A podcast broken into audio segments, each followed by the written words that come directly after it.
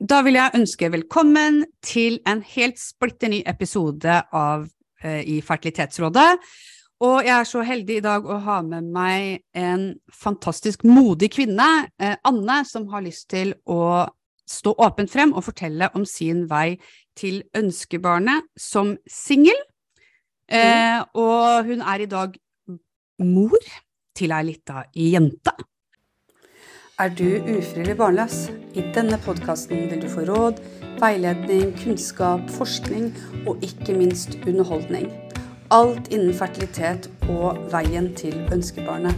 Fra et terapeutisk perspektiv av meg, Tone Bråten, terapeut, veileder og forfatter og gründer av Fertilitetshjelpen.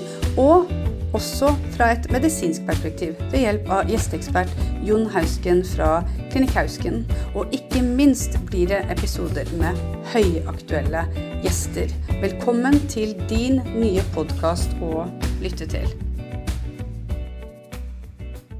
Eh, og det som er spennende, det er at jeg og Anna, vi har vært i kontakt tidligere, jeg som hennes eh, veileder, og møtte en uh, veldig innsiktsfull og uh, flott dame som sto på en litt sånn veikryss i livet. Hva skal jeg videre? Kan du fortelle, Anne, alderen din sånn cirka du var når vi snakka sammen, og hvilken situasjon du sto i da? Da Det var vel i 2020, tror jeg. Mm pandemiår nummer én. Da var jeg vel eh, 38, hvis jeg ikke husker helt feil. Og da hadde jeg vel vært gjennom mitt første forsøk. Eh, det var vel da jeg fikk eh, tips om å snakke med deg, eh, da det ikke gikk. Mm. Um, jeg vet ikke om du vil at jeg skal fortelle litt fra start? Men du kan godt gjøre Hvordan det. Hvordan havna der? ja, var, gjør det. Gjør gjerne det. Det tenker jeg lytterne kan, uh, kan synes er interessant, da. Mm. Nei, det som, det som skjedde, var vel at um, i mars 2020 så stengte jo alt ned. Mm. Um, jeg var jo allerede i Altså, jeg var 38 og var allerede i uh, tankeprosessen med å hva gjør, hva gjør jeg? Eh, fordi jeg hadde jo lyst på barn, og jeg var da singel. Og hadde ikke funnet noen jeg kunne tenke meg å få barn med, eh, eller tilbringe resten av livet med. Og jeg hadde ikke lyst til å ja, møte noen bare for å få et barn. Da. Jeg var litt opptatt av at det her skulle være et liv laga. Mm. Og så stengte samfunnet ned, og så tenkte jeg nå møter jeg i hvert fall ingen. Nå hadde jo ikke lov til å møtes. Nei. Um, og da hadde jeg vel noen runder med meg selv. Det blir jo mye det ble jo mye tenking, da. Når man sitter hjemme i isolasjon på hjemmekontoret, og det blir mye store tanker. Mm. Så jeg fikk liksom muligheten til å reflektere litt over um, hva som er viktig for meg. Og, og så er det jo alltid slått hardt ned på dem som foreslo donor, for det var så uaktuelt for meg. for jeg ville så gjerne ja, mm. for jeg ville så gjerne kjenne barnets far. Jeg hadde så lyst på ja, det ideal, idealfamilien som jeg alltid har drømt om. Mm. Vokste opp i en harmonisk A4-familie og trodde det var sånn det skulle være, liksom. Mm. Um, så jeg måtte først åpne opp litt for den ideen selv. Um, og hva Jeg starta litt forsiktig da, med å dra på en klinikk for å sjekke er det håp i det hele tatt. Um, har jeg blitt for gammel, kan jeg få barn? Og så da jeg fikk vite at ting så bra ut, så måtte jeg virkelig ja, tenke meg om en ekstra runde, da. Og da, da husker jeg at um, jeg fikk beskjed om å, å, ta med partner. For da hadde jo ikke jeg sagt ennå at jeg var alene. Nei. Eh, så sa jeg ja, du kan ta med partner neste, neste time, liksom. Mm. Så sa jeg nå er jeg alene, så jeg må nok til Danmark. Um, ja, nei, det er ikke sikkert du må. Og det her var jo like før den nye bioteknologiloven gikk gjennom. Og det hadde ikke jeg fått med meg, at det var under Som ga single muligheten til faktisk å Mm. prøve her hjemme Ja, med donor. Mm. Ja. Så da øh, følte jeg at det var litt sånn skjebnen, det hele. Først Mm. korona, og så den loven. Um, som gjør at jeg først ble helt alene, og så fikk lov til å prøve i Norge. Så det var litt sånn Dette er et tegn. um, så det var jo veldig spennende da den loven gikk gjennom i mai. Og eh, jeg fikk mulighet til å prøve fra 1. juli å bli gravid. Så det gikk jo veldig fort fra liksom jeg lurer på om jeg var inn til klinikken i april. At samfunnet stengte i mars, jeg var der i april, loven kom i mai, og så første forsøk i juli, liksom.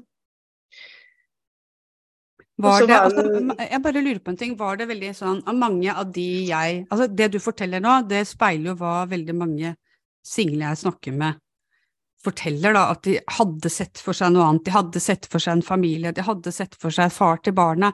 Det, det, det setter i gang noen tankeprosesser, og så er det noe med mm, å vente på den her 100 følelsen også, at ja, det her er riktig, og det er litt vanskelig å vente på den 100% følelsen, men men Mm. det er det her ønsket om barn, og også fertilitetsårene dine, altså hvor lenge har du egg som det kan bli barn av, at det er det som også stresser litt, så noen føler seg litt sånn pressa til å, øh, å starte også. Var det noe du kjente på? Um, ja, eh, det var jo alderen som gjorde at det satte i gang eh, såpass mm. fort. Og det fikk jeg jo beskjed om av klinikken, at uh, det var ikke noe vits å vente, liksom. Fordi det er ikke sikkert det går med en gang. Og jeg husker jo at eh, jeg satte meg jo på venteliste på offentlig, altså på sykehuset. Fordi de brukte litt lengre tid på å sette i gang.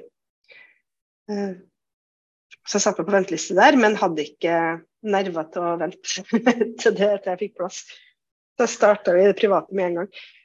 Og det er jeg jo veldig glad for, for det var jo ikke Altså selv om jeg fikk ut en del egg, så var det ikke så mange embryo igjen til slutt. Og jeg har jo fått inntrykk av at den kurven er ganske bratt, da. At jeg kunne jo i dag, et par år senere, så er det ikke sikkert jeg hadde lyktes.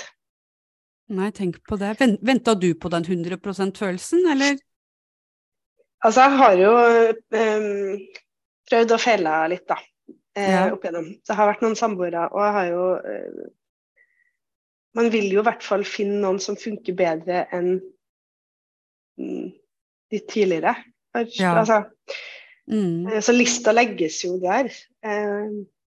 Du leita ikke bare etter en kjæreste, men du leita også etter en fremtidig far. ja, selvfølgelig. Det var jo det. Mm. Og, det, mm, og så syns jeg det ble litt sånn urettferdig. Fordi etter hvert så ble det viktigere for meg. Eh, Det ble viktigere å finne en, eh, en donor, på en måte, Mm. enn en kjæreste. Mm. Uh, og det syns jeg er litt sånn urettferdig utgangspunkt for den andre parten. Da. At man kommer og bare Du som person er ikke så viktig, jeg trenger bare litt hjelp. Um, og så er det jo, som flere har sagt, um, så haster det jo rent biologisk og fysisk så haster det jo mer å få barn Mm. enn å få en mann. Og det trenger ikke nødvendigvis å høre sammen, de to. Nei. Så jeg måtte jo bare, det var jo ren matematikk til slutt. Jeg måtte jo bare Mm. bli litt kjent på hva som var viktig for meg. Og, um, og jeg kjenner jo flere som sitter i den situasjonen, som er like gammel som meg, og som, um, som er singel. Og som, som ikke har lyst til å få barn alene, for de vil så gjerne ha eh, far til barnet. Mm. Da blir jeg litt sånn utålmodig på deres vegne, da. For jeg tenker at det er jo ikke sikkert det går, hvis du venter noe særlig mye lenger. Men Nei. jeg forstår dem jo godt òg. Mm. Det er jo ikke for alle, det her. Nei. Hvordan var det En ting er jo liksom å tenke at det her skal jeg eh, prøve på. En annen ting er jo å faktisk starte prosessen. Velge donor, stimuleres. Altså, hvordan var det å da gå inn i selve forsøket for deg, da, og, og akkurat det her å velge en donor, altså, hvordan, altså, I Norge så får du jo ikke det, du får jo skalert liksom tre, og så er det en av de som mm. eh, blir valgt av legen, eller du sier bare til legen at du kan velge. Men hvordan var den prosessen for deg? Nei, jeg vet ikke om det er litt typisk meg. Eh, og når jeg først har bestemt meg, så er det ikke noe tvil. Nei. Um, og det satt jo langt inn å i det hele tatt sette i gang, eller å få barn med en donor. Når jeg først hadde bestemt meg, så var det jo bare stas. Da syntes jeg jo alt var spennende og gøy. Og um, hadde ikke noen betenkeligheter rundt Jeg burde kanskje hatt det, men det var, jeg tok de hormonene jeg fikk beskjed om å ta. Og, uh, og det å velge donor har jo uh, Eller som du sier, da, jeg fikk muligheten til å velge tre. Og jeg vet det er flere som ikke har fått den muligheten. Eh, og nå i dag så er jeg litt usikker på om, om jeg syns det er positivt eller ikke. For nå sitter jeg med tre barnebilder på maskinen min, liksom. Og vet jo ikke hvem av dem det er. Og hva skal jeg da fortelle min datter? Kanskje hadde vært enklere om det bare var et tall, at jeg ikke visste noe som helst. Men samtidig fikk jeg muligheten til å velge nasjonalitet. Så jeg vet jo noe, så lenge mhm. alle er fra samme land. Mm. Nei, det var en absurd uh, opplevelse å logge inn i den banken og sitte på en slags sånn Tinder pluss. Ja. Velge og vrake. Mm. Veldig vanskelig å ikke ta hensyn til bilder. Det er jo noen som faktisk, jeg vil bare skyte inn det, at det er jo faktisk noen som velger å dra til et annet land for å kunne velge selv. Også ja. at noen er helt sånn avhengig av det, mens andre igjen er på ytterkanten. At det er ja. eh, overhodet ikke viktig. At det er, altså det er en donor. Er, jeg, jeg, trenger sædceller, jeg trenger ikke Det her er ikke en fremtidig far, det er en donor. Det er mm. det jeg trenger i prosjektet mitt. Ja, men jeg syns det er litt vanskelig der, for jeg er opptatt av at man ikke skal personifisere denne donoren overfor barn og sånn, men det er jo ikke det er jo ikke bare en blodgiver, det er jo celler som bærer med seg noe genetisk mm. materiale. Så det er jo eh, sant, det, er et vanskelig dilemma det der, fordi jeg klarte ikke å la det ikke bety noen ting Nei. Nei. Jeg, mitt barn vil jo bære med seg noe av det mennesket her. Uh, så jeg syns jo det var fint å kunne lese litt om personlighet og sykdomshistorikk og ja, se på bilder. Mm. Og et lite sånn inntrykk av hvem er det jeg skal lage det barnet her med, da. Som jo òg er Det er jo naturlig, naturlig det når man skal lage et barn, at man vet litt om den andre. Så det, en, det, har vært en litt sånn trygghet for deg da, å vite at det er faktisk en av de tre som blei valgt? Ja, Mm. Ja, og jeg vet jeg kan ikke garantere at det er det. Men uh, jeg har uh, vært i kontakt med klinikken i ettertid og fått bekrefta at han er dansk. Uh, fordi alle mine var danske, liksom. Ja. Da har jeg en ting jeg kan fortelle. Og det, jeg syns det er fint å vite noe. Men jeg tror òg jeg syns det hadde vært helt greit hvis jeg hadde fått beskjed om at jeg ikke fikk velge det i det hele tatt. Jeg hadde mm. ikke, jeg hadde ikke dratt til et annet land for å få vite mest mulig. Jeg hadde nok eh, Men det er vanskelig å si nei når man først har muligheten. Ja. Mm. Hvordan var det når du skulle starte prosessen, var det sånn at du fortalte alle rundt at nå skal jeg i gang med å starte å få barn alene med donor? Var det, var det noe du var liksom åpen om helt fra start, eller var det litt sånn privat for deg? Uh, nei, jeg er ganske åpen. Jeg tror bare det var Kanskje annonserte ikke for alle jeg skrev det ikke i Facebook-statusen min, liksom. Men jeg fortalte vel flere og flere. Så det er litt som når man blir gravid ellers, tror jeg. Mm. Det var ikke noe Det er jo en privatsak, men jeg var ikke, skamma meg ikke over måten det skjedde på, liksom. Nei. Og hvor mange forsøk var det som måtte til da, før du ble gravid?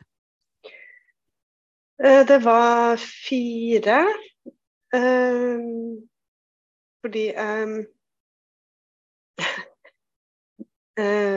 det gikk litt sånn gradvis for meg. Først så måtte jeg venne meg til tanken å ikke kjenne far, og så måtte jeg venne meg til tanken å eh, ja, tukle med naturen. Jeg husker jeg hadde en runde med meg selv at eh, jeg fortjener ikke å få barn hvis ingen vil ha meg. Og jeg hadde en sånn selvtillitsknekk til å begynne med.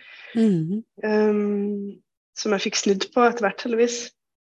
Men da husker jeg tenkte at uh, ja, ja, jeg må i hvert fall prøve inseminering, da. Sånn at uh, går det ikke, så går det ikke. Jeg kan ikke drive og tvinge kroppen til å bli gravid, liksom. Så jeg hadde en, det var en sånn annen, hadde en annen innstilling til å begynne med. Um, og så var det en Etter at to insemineringsforsøk ikke hadde gått, uh, og det blir jo fort dyrt i lengden hvis man skal holde på med det. Så var det en, uh, en sykepleier på klinikken som skjønte litt hva jeg gikk gjennom, og som sa noe som fikk meg til å se ting på en litt ny måte, da. Eh, for hun sa at eh, Anne, så snart du har kommet hit, så er det unaturlig uansett. Mm. Um, og det trengte jeg å høre. At det var Det er ikke noe rarere med IVF enn inseminering, liksom. Som jeg hadde en sånn hangup på, da. At det Ja. skulle skje utafor kroppen min, og at det skulle um, Ja. Hvis jeg ikke har fått barn, så var det ikke meningen at jeg skulle få barn, osv. Så, videre, og så, så Mhm. um, det var Da jeg liksom kom over den kneika, så slapp jeg helt av med det hele. Fikk et litt nytt fokus. Så da var det vel um, ikk- Det gikk ikke på første ferskforsøk, og så gikk det på første fryseforsøk. Mm. Så er det én igjen i fryseren. Det ligger en i fryseren og venter. Jepp. Og den her graviditeten, eh, det her å få lov til å oppleve at et barn vokser og blir til inne i din mage, hvordan opplevde du det?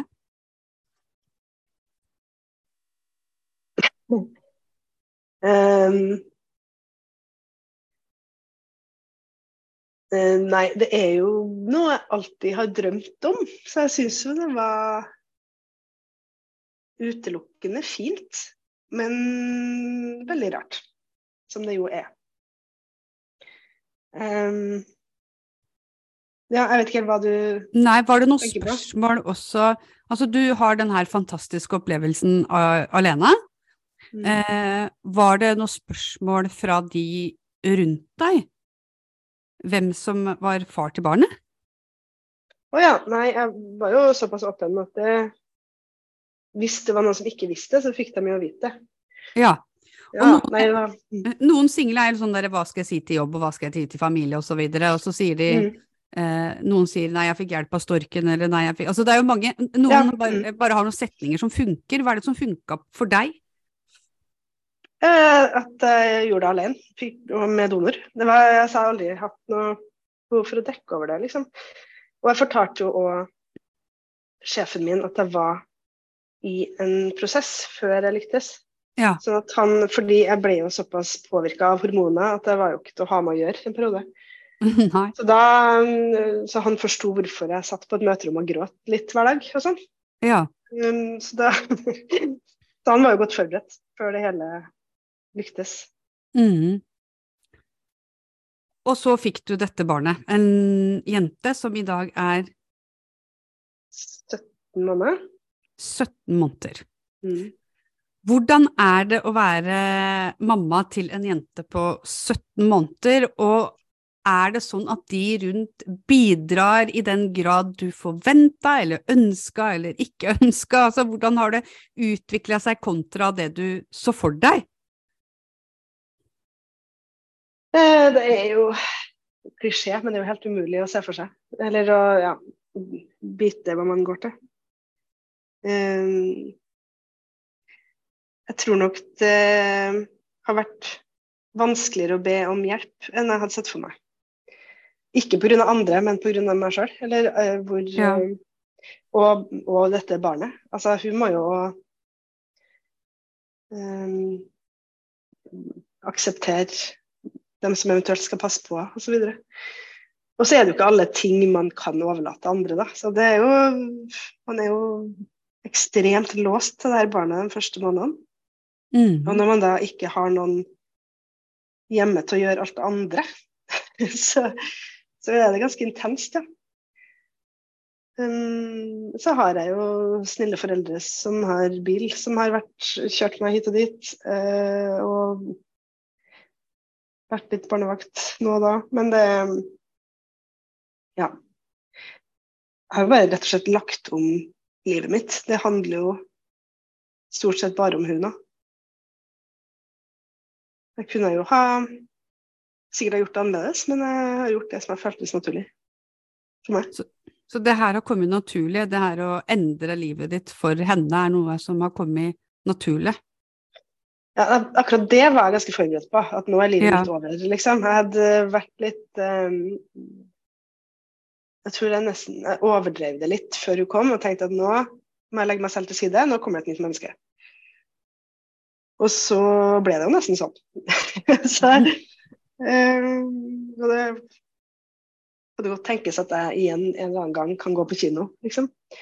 Men um, Eller lese en bok? ja, det, det har vært gøy. Ja, jeg husker jeg hadde, vi, vi, altså, vi hadde jo to, da, så det var liksom eh, Det var helt greit eh, når mannen min skulle hjemme, så skulle han gå på jobb, og det hadde jeg glemt at han skulle. Så liksom ha to babyer eh, Mm. alene. Og husker Mm. jeg så liksom noen som satt og leste. Mm. Får jeg noen gang sitte og lese igjen? Mm. Ja, nei, det um, er fortsatt en fjern drøm, faktisk. Men det er jo Det er jo en uh, utrolig fascinerende hobby òg, da. Å drive og Ja. følge med på det mennesket her. Ja. Uh, det er, jeg lærer jo, altså Læringskurven er jo så ekstremt bratt. Mm. Så jeg lærer jo noe nytt hver dag. Og har hun nå begynt i barnehage? Ja da. Og da Du hører jo altså min barnehage Min nasale røst er jo resultat av barnehagen. Ja. Vi er jo konstant sjuke. Ja. Ja. Du får alt som hun får. Japp. Eh, og, da, og da blir spørsmålet for ofte så er det sånn i barnehage at man skal tegne huset sitt, og hvem som bor i huset, eller mamma, pappa og familie, eller noen som blir henta av søsken. Og, Mm. og barn, små barn, de sammenligner seg. Det betyr ikke at de savner noe, eller at det, det er noe vondt, men det, det er jo helt en naturlig del at vi ser på hva andre har, og, og, og hvordan vi sjøl har det. Har, blei det noen spørsmål etter barnehagestart?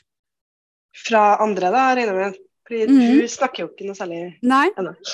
Um, vi har um, For det første så er jeg i en fantastisk fin barnehage. Mm. Uh, og de har, uh, som du sier, sånn uh, Ikke tegning, men fotovegg med familie. Fotovegg, Alle har er hvert sitt hus, og så Ja.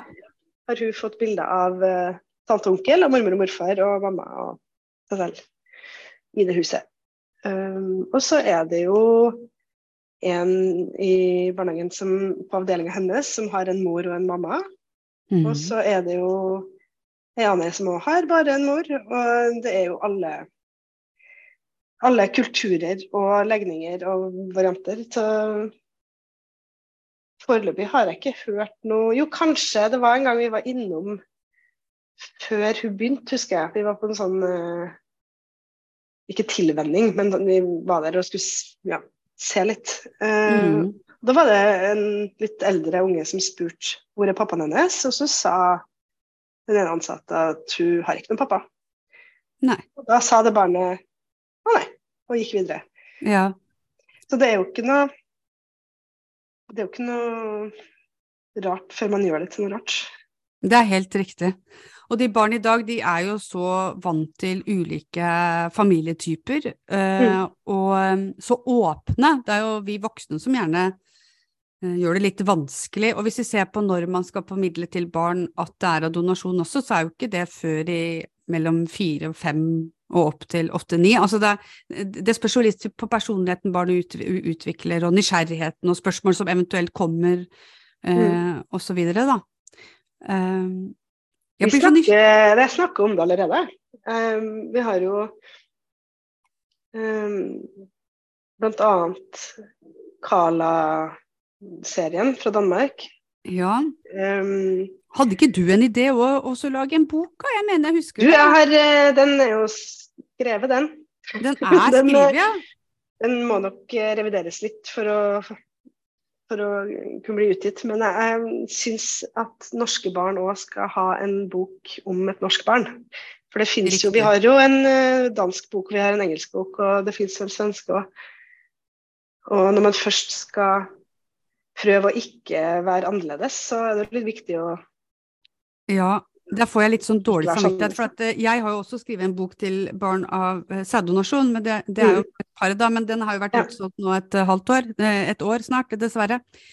Men, men den Vi har vært den på biblioteket, og jeg har lest den òg. Men eh, den Kala-boka Og den Nå vet jo ikke jeg hvor mye hun forstår, da, men den eh, er en favoritt ved senga nesten hver kveld. Så fantastisk. Eh, og nå er det en Og så har jeg et bilde av meg selv med stor mage eh, som står på rommet hennes. Og i den boka er det òg en tegning av mora til Carla med stor mage, og da peker jeg jo på bildet av meg og bildet av mora, og så snakker vi litt om hvordan Liv har vært inni magen min, og så sitter og slår seg litt på magen og ler. Og... Mm. Så vi eh, snakker jo litt om det allerede. Mm.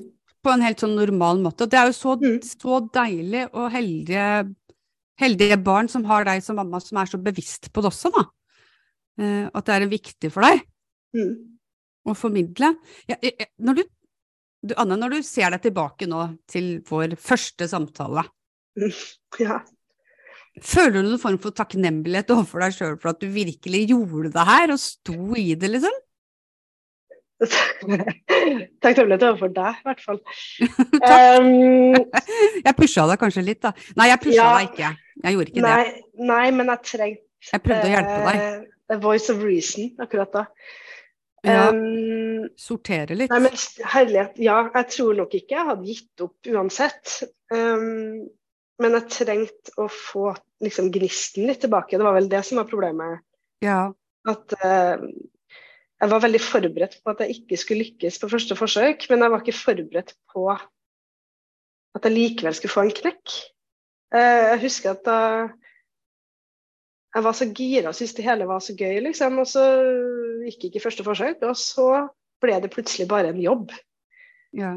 Um, og så hadde jeg ikke lyst til at jeg skulle lage barnet mitt bare som en jobb. Jeg hadde lyst til at det skulle være gøy og spennende. Mm. Det var vel da jeg tok kontakt med deg og trengte en litt sånn ja, peptalk.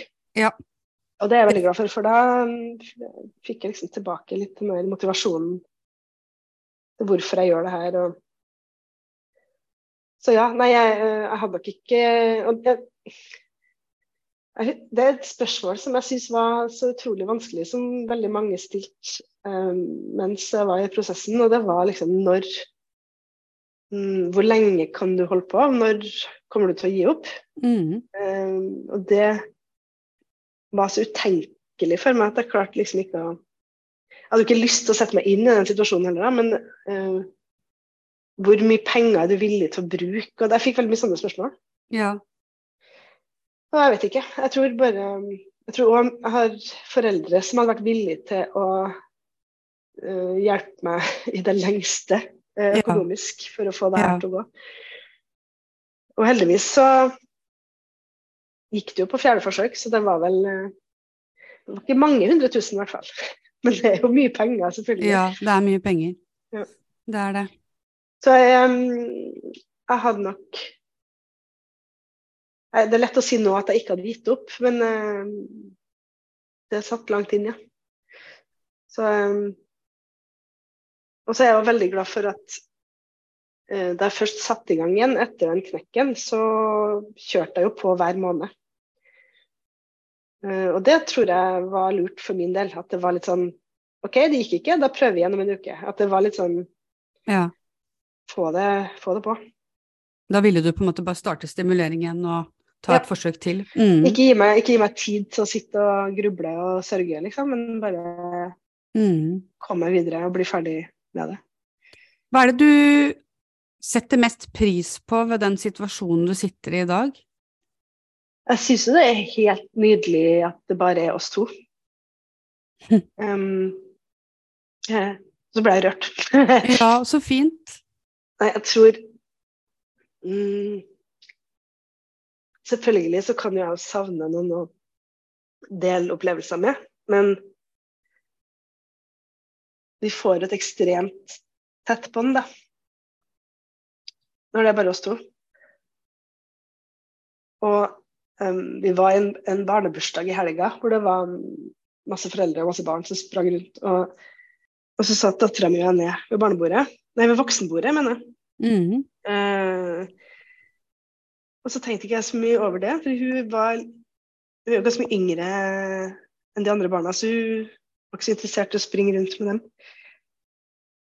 Og så kjente jeg på at vi, vi er litt mer sånn roomies, mor og datter. At vi, nå er vi på, vi er på fest sammen, liksom. Uh, og at det er Jeg hører òg fra venner og kollegaer at jeg er veldig bevisst på at foreldre skal være enige, og hvis den ene er good cop, så den andre bad cop. Så- altså, til meg så Til oss så må jo jeg være begge. Og det blir også litt mer For det blir liksom flatere struktur av det. Da snakker jo til For ikke å bli sprø selv, da, så snakker jeg jo til hun som om eh, Som jeg ville ha snakka til en voksen. Mm. For ikke å gå og snakke babyspråk hele dagen. Så vi Nei, jeg syns uh, Det er ikke sånn at det er en mor og en datter, og så mangler det noe annet. Det er mer uh, Vi to bor sammen og har det veldig hyggelig. Så deilig. Mm. Så deilig å høre. Og du er så god til å sette ord på tanker og følelser og hvordan du har opplevd prosessen, og jeg tror at det her er enormt viktig for de mange single som sitter der ute og lurer på om de skal tørre å gå i gang med prosessen. Hva vil du si til de? Um, det, altså, jeg tenker at det viktigste er å um, Man angrer jo Man angrer jo mer om man ikke gjør det. Man, altså, man angrer jo aldri på å ha gjort det. Så gå for det hvis man har lyst, men bare vær forberedt på eh, at man ikke har tid og rom til noe annet en stund, og så gjerne ha noen rundt deg som kan stille opp, og som eh, Da er det jo fint Nå har jo vi liksom valgt ut noen få som uh, vi møter ganske hyppig. Selv her jeg har en venninne som kommer hver tirsdag kvart over fem, liksom. Fordi så små barn glemmer jo folk fort. Ja. Eh, så det å sitte barnevakt en gang i måneden går jo ikke. Altså, men, så vi må liksom holde ved like enkelte bekjentskaper, sånn at hun skal bli trygg på dem. Eh, og det gjelder, jo, altså, det gjelder jo ikke bare dem som er alene, men vi trenger jo kanskje barnevakt i litt andre situasjoner enn par. Så det kan jo være et tips å ha, ha noen faste nære som man møter relativt ofte, for å bygge bygge den utvidede familien. Fantastisk. Det var veldig godt råd, tenker jeg. Og det trenger jo heller ikke å være en utvide familie, sier du, og så er det en venninne. Altså, det trenger ikke å være noe i sitt eget familienettverk. Det kan jo Nei, være nei. nære venner, ikke sant? Ja, nei, vi har jo Jeg har ei venninne som har vært uh, barnevakt tre ganger nå. Uh, Mm. To ganger når jeg har vært til frisøren og jeg har vært til legen, liksom. Mm. Da har det vært en sånn time, halvannen hver gang. Mm. Um, og det har gått bra fordi de har møttes såpass ofte, da. Mm. Og det går jo bra uansett, men det er, bare, det er jo hyggeligere for den lille å være med noen Kjente. hun ikke er redd for. Selvfølgelig. Så det- Ja. Altså, da vil jo ikke du kose deg heller. Da sitter du jo på Ja. nåler hos frisøren, da, hvis du veit at barnet ditt er noen som ikke vil være med. Så det er jo helt Ja. klart. Mm. Jeg tenker at nå har vi spilt en episode som vil både berøre og være lærdom og nyttig for mange der ute. Eh, og takk for ærligheten din, for at eh, du deler. Eh, Det er jo veldig personlig, det her. Mm. Eh, Men samtidig så er det så tøft å velge å være åpen, og jeg tror at i det lange løp så kan det være også bra. Mm. Og for Ja, det er jo um, Det er jo ikke bare enkelt for meg, det heller. Men jeg har jo tatt et litt sånn aktivt valg om å være åpen. mm, Jeg kjenner jo, jeg sitter og kjenner på det nå at å, burde jeg sagt det? Um, hva vil min datter finne på internett om 20 år, liksom? mm.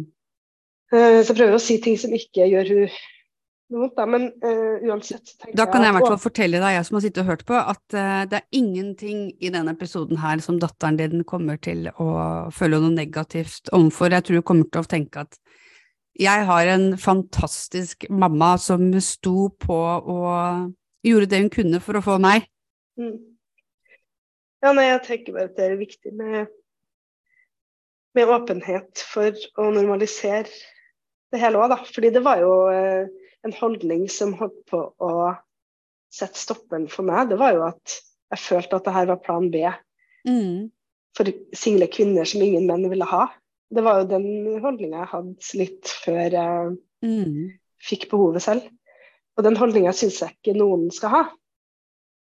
Um, og det når, nå som jeg først er blitt solomor, da, og, så, og er med i alskens Facebook-gruppa for denne gjengen Det er Mm. jo så ressurssterke damer. Det er jo Ja, høyt utdanna, bevisste, altså rause, fine folk som eh, rett og slett bare har ja, Da håper uflaks, kan, eller eh, ja. mm. Da håper jeg du kan dele den lenken her med den når denne episoden kommer ut, og vise hvilken flott dame du sjøl er.